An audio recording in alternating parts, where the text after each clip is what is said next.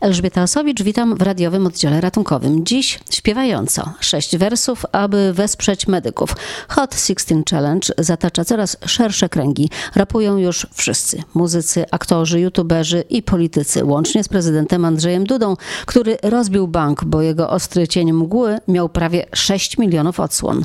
Do tej pory do akcji przyłączyło się ponad 2000 osób. Na koncie zbiórki się pomaga.pl jest prawie 3,5 miliona złotych. Wyzwanie podjęła Kamila Kamilla Jasińska, wrocławska popularyzatorka nauki związana z Centrum Historii Zajezdnia, w niecałe 4 minuty wyśpiewała historię wrocławskich lekarzy.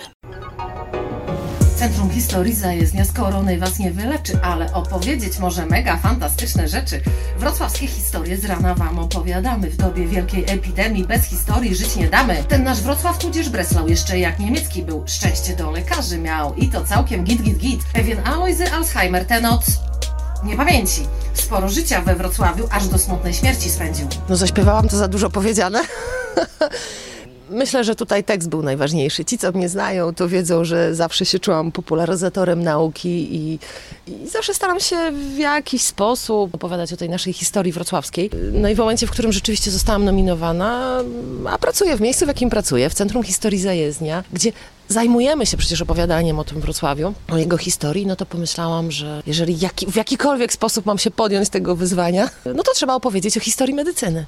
Lekarzy związanych z Wrocławiem jest wielu. Jakim kluczem poszłaś? Jak dobierałaś tych lekarzy? No tak, stwierdziłam, że tak po połowie może zrobimy trochę niemieckich, trochę polskich. Takie postacie, które funkcjonują gdzieś w przestrzeni publicznej. Większość tych postaci yy, właśnie... Gdzieś nam się obiła o uszy. Gdzieś nam się obiła uszy. No, no, no może nie, nie, nie chcemy cierpieć na chorobę Alzheimera, ale tak jakby kojarzymy ją, yy, a nie wszyscy wiemy, że, że nazwa tej choroby tak naprawdę upamiętnia tego, który który no nie tyle ją odkrył, co tak jakby wynalazł, tak, opisał mechanizmy, udowodnił pewne rzeczy z nią związane, bo wcześniej to była tak zwana choroba zapominania, a właśnie y, uczynił to Alojzy Alzheimer, który ostatnie trzy lata życia spędził we Wrocławiu, tutaj kierował kliniką psychiatryczną.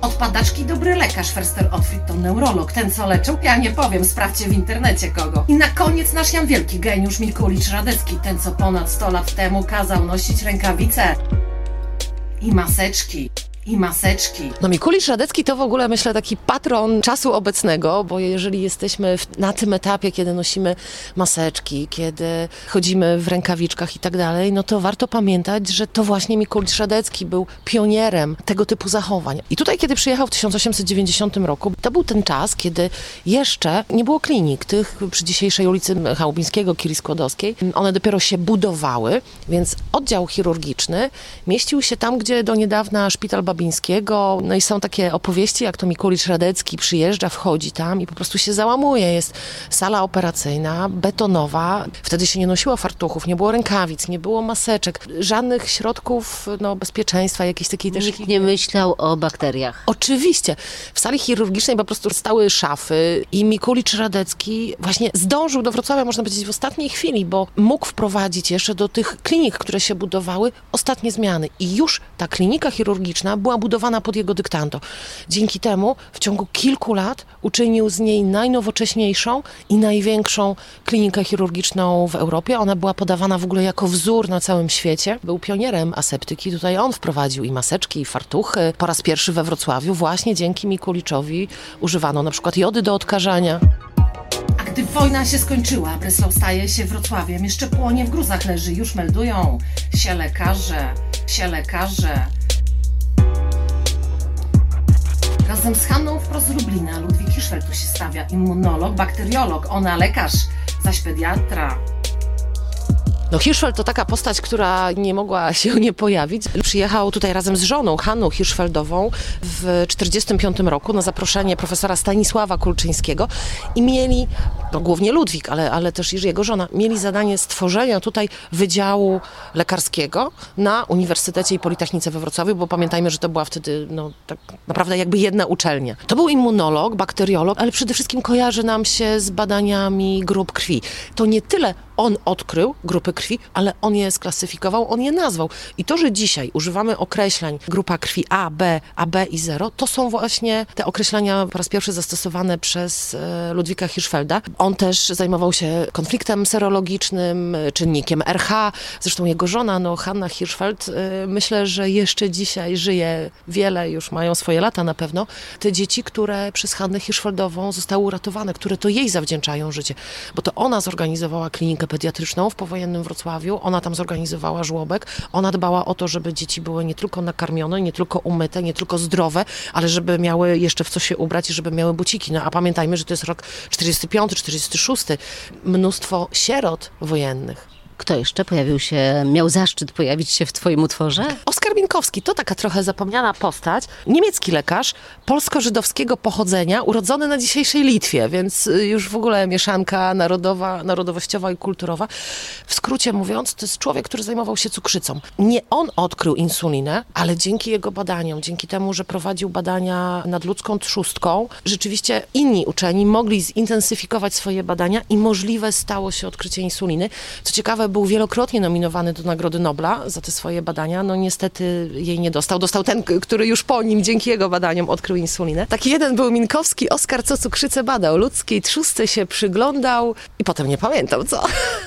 Tam śpiewam, że on zdziałał insulinę, dlatego pamiętajmy, że właśnie nie on odkrył, ale bez jego badań być może dzisiaj byśmy nawet tej insuliny nie mieli, y, może by nie było. No i postać taka, myślę trochę człowiek, który przegrał ze sławą swojego pacjenta, Otfried Förster. Człowiek, którego kojarzymy głównie jako lekarza Lenina. Ja o nim śpiewam. Ten, co leczył, ja nie powiem, sprawdźcie w internecie kogo. Rzeczywiście to był genialny neurolog, neurochirurg, pionier światowej neurochirurgii, człowiek, który leczył padaczkę. On w ogóle stworzył tak jakby metodę operacyjnego leczenia padaczki, a niestety kojarzony jest głównie jako ten, który w 1922 do 24 roku badał, leczył, przepraszam, Lenina aż do śmierci.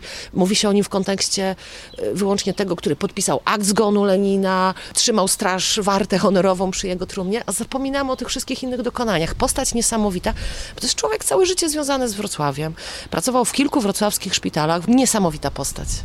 Coś o dermatologu było? Właśnie, miało być o dermatologu. A, nie zmieściło tak, się. Nie zmieścił mi się Neisser, Neisser. Też ciekawa postać z tego przedwojennego Wrocławia. Było takie muzeum we Wrocławiu. Niektórzy mówią, że straszne, bo niebywałe okazy Neisser tam gromadził. No niestety i zwrotka o nim mi się nie zmieściła i o Karlu Wernicke.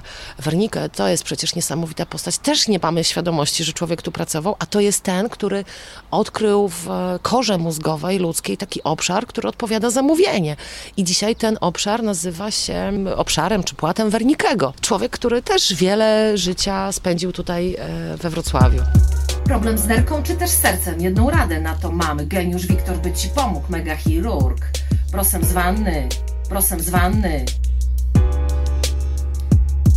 Na internie oraz cardio Falkiewicz sprawował rządy. Mawiał, leczyć trzeba ludzi, a nie tylko ich narządy. I terapii intensywnej byśmy może dziś nie znali. Reanimacyjne auta dzięki Arońskiemu mamy.